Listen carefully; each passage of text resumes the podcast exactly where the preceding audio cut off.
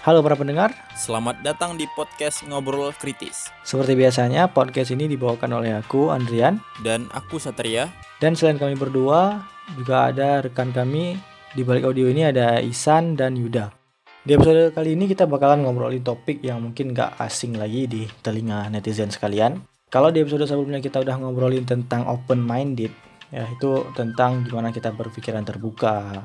Pokoknya banyak hal yang menarik yang kita bahas di situ yang terjadi di kehidupan sehari-hari. Teman-teman bisa cek episode sebelumnya tersedia di Spotify dan Anchor FM. Nah, di episode kali ini kita ngebahas topik yang berkaitan tentang pakar. Ada kaitannya dengan matinya kepakaran. Jadi alasan kita bahas topik ini yang pertama memang ini suatu hal yang menarik eh, masalah yang pernah vir- viral sering pernah dibicarakan lah tentang matinya kepakaran Ah, bener nggak sih kepakaran itu mati nah jadi penasaran dengan isinya akan kita bahas nanti Yap, itu dia. Kita bakalan ngebahas tentang matinya kepakaran. Tapi sebelum daripada itu kita bakalan lebih banyak ngobrolin secara mendasar dulu apa yang kita maksud dengan kepakaran, matinya dan sebagainya. Langsung aja check it out.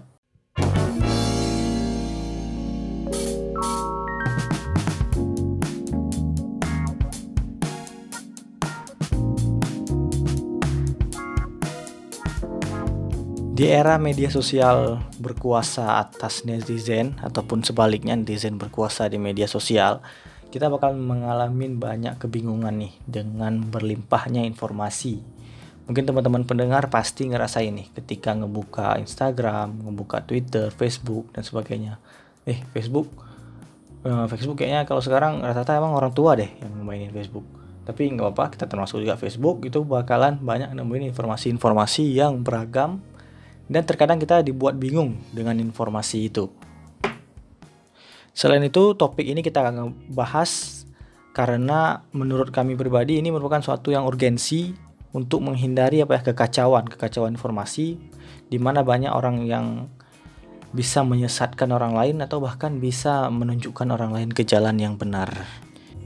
Nah, jadi karena alasan tadi target podcast ini sih niatnya memang untuk kalangan pengguna media sosial lah, yang karena banyaknya orang-orang yang nanggapin isu itu di media sosial, di- termasuk juga di media-media berita, media-media mainstream lainnya, yang nantinya kita akan bisa jauh lebih waspada nih terhadap eh, perilaku kita ataupun respon perilaku kita terhadap eh, isu-isu atau informasi-informasi yang ada di sekitar kita.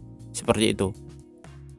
Yap, bener banget. Jadi dengan ngedengerin episode kali ini, kita bakal ngajak teman-teman untuk lebih hati-hati, jadi pribadi yang hati-hati terhadap banyaknya informasi yang bisa menyesatkan atau bahkan bisa mencerahkan.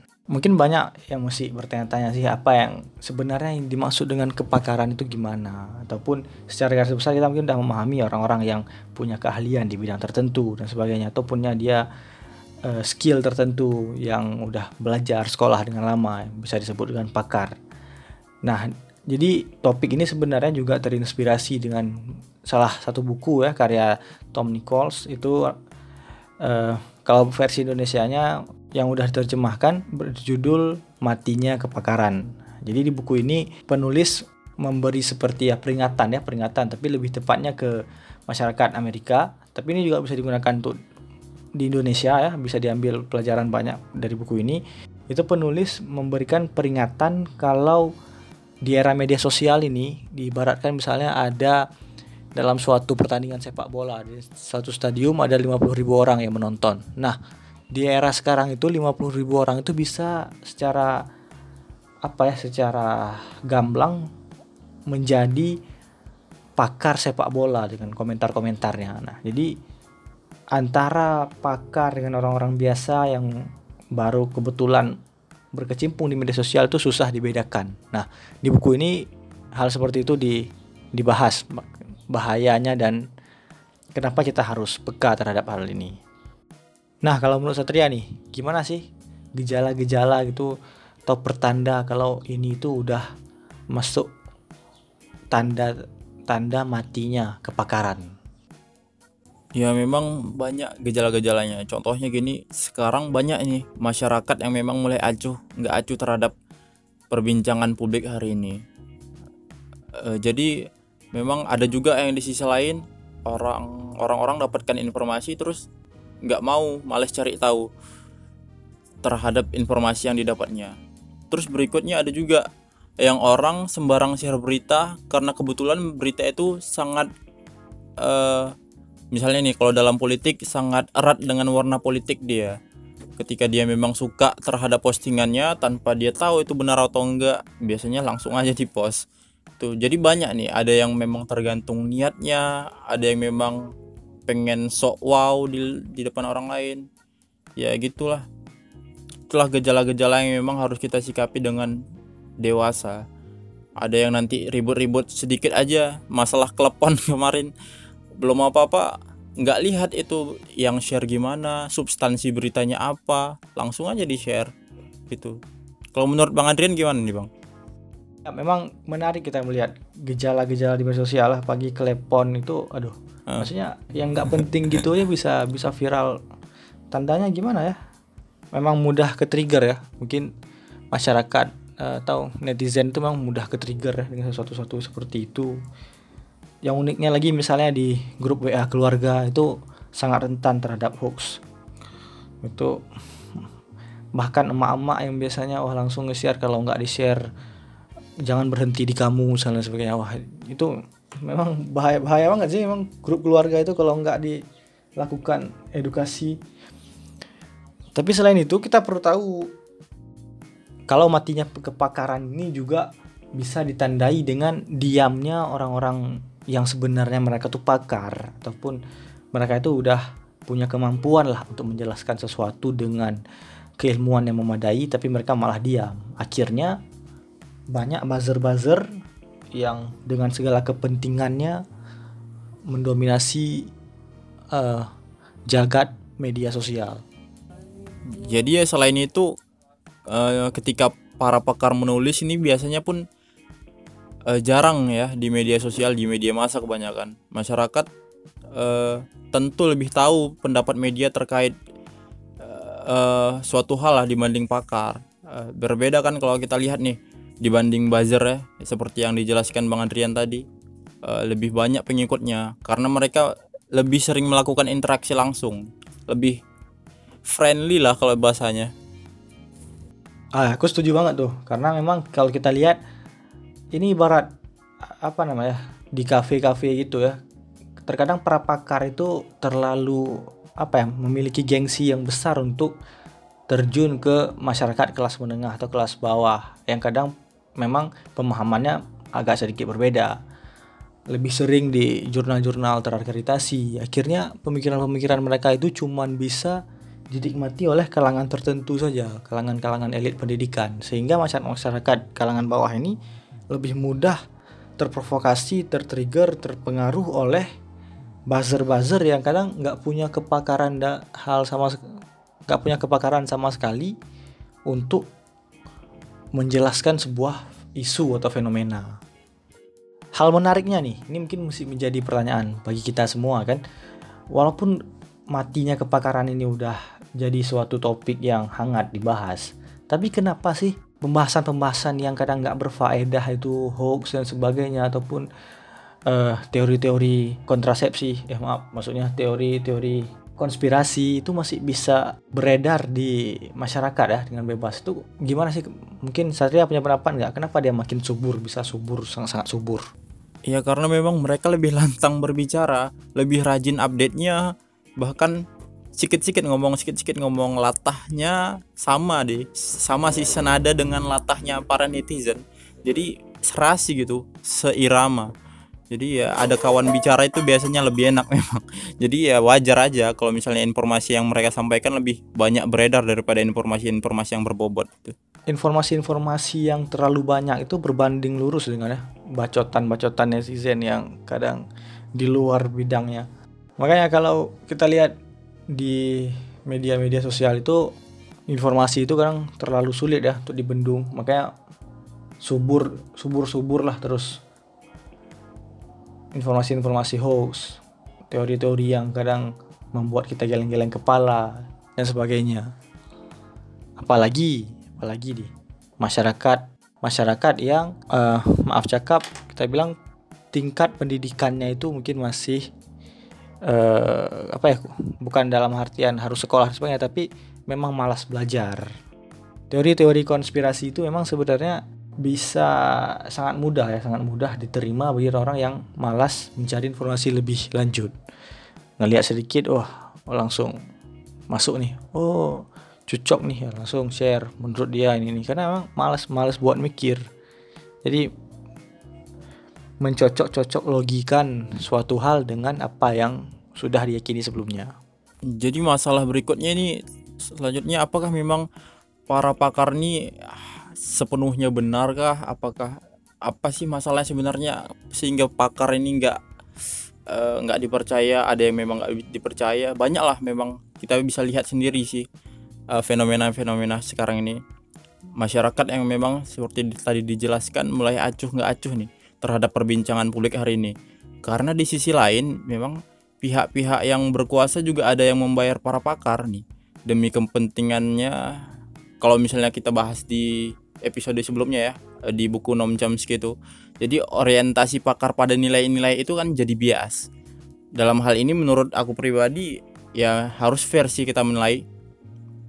Selanjutnya saya uh, lihatnya dari sisi lain bahwasanya pengangkatan topik kepakaran ini pun bisa jadi bahan perundungan lain.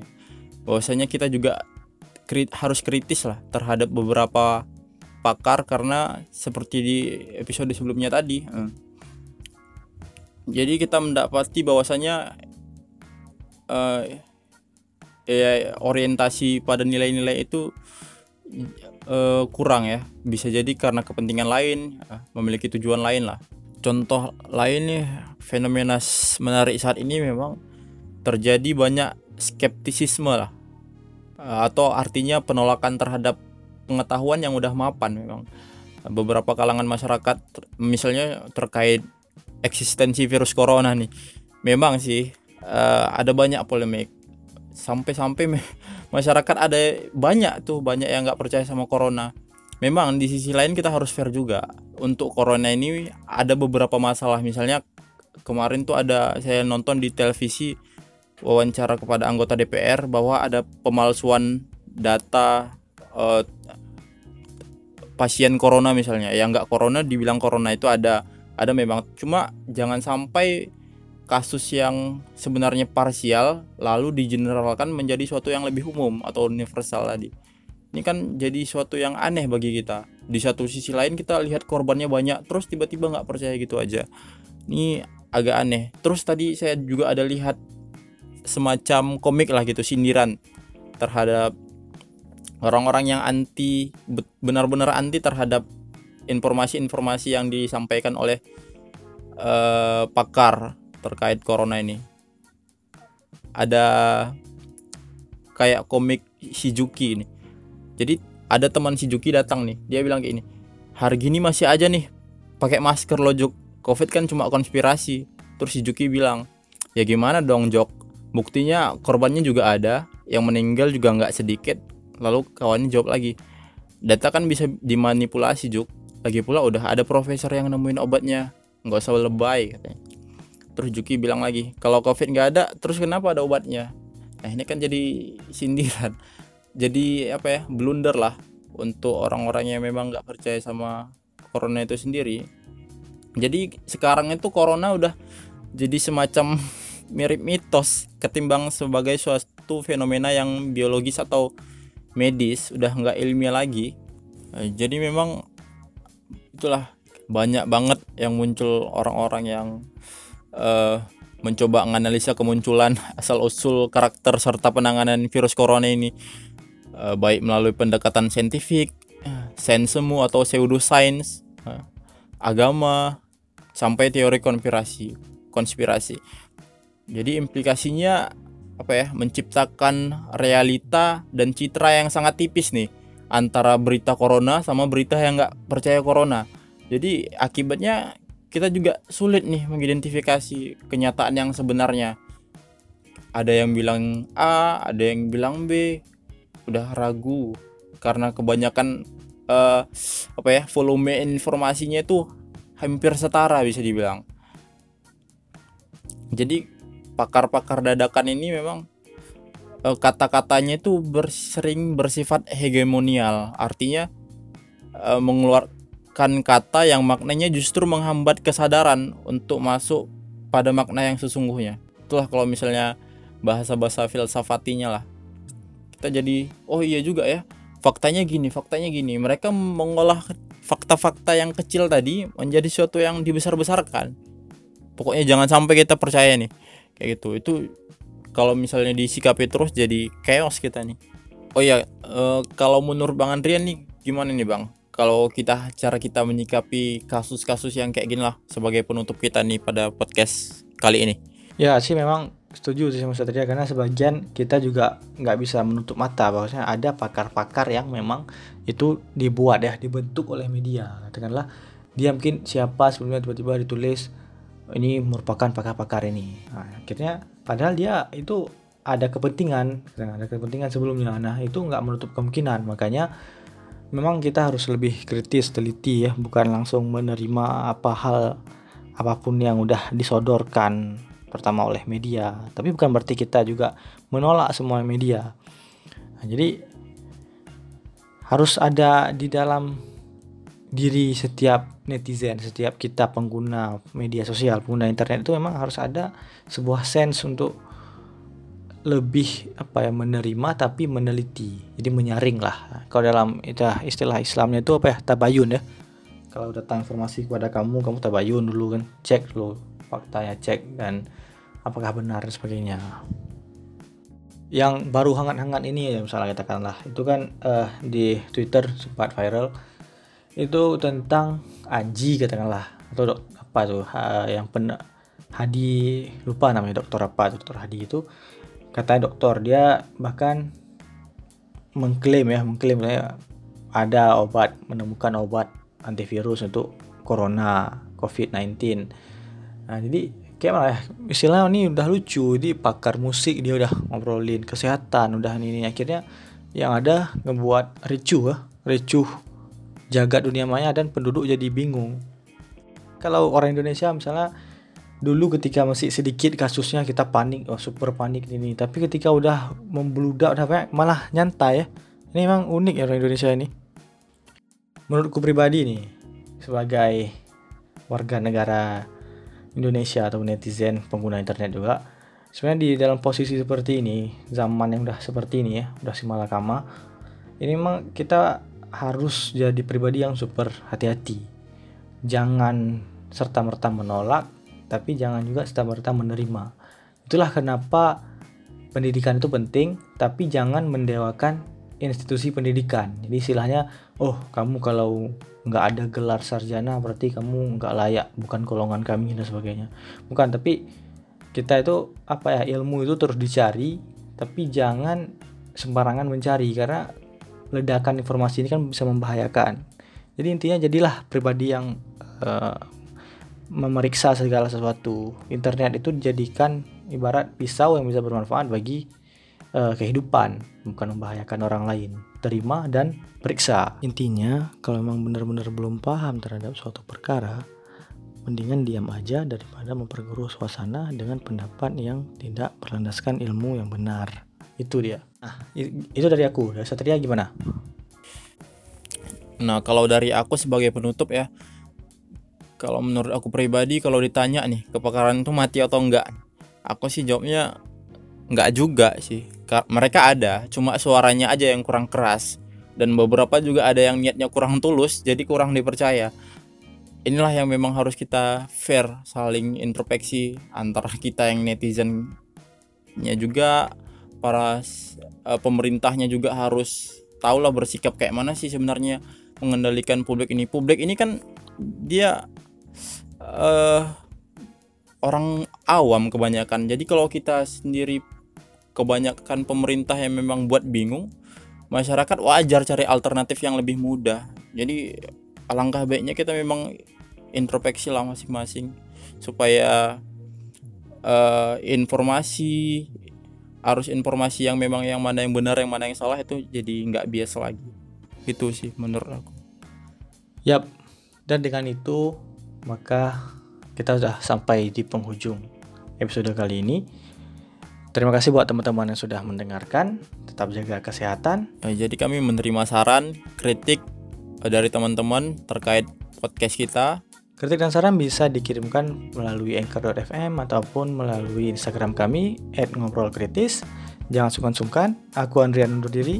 dan aku Satria undur diri Sampai jumpa di episode selanjutnya. have a nice day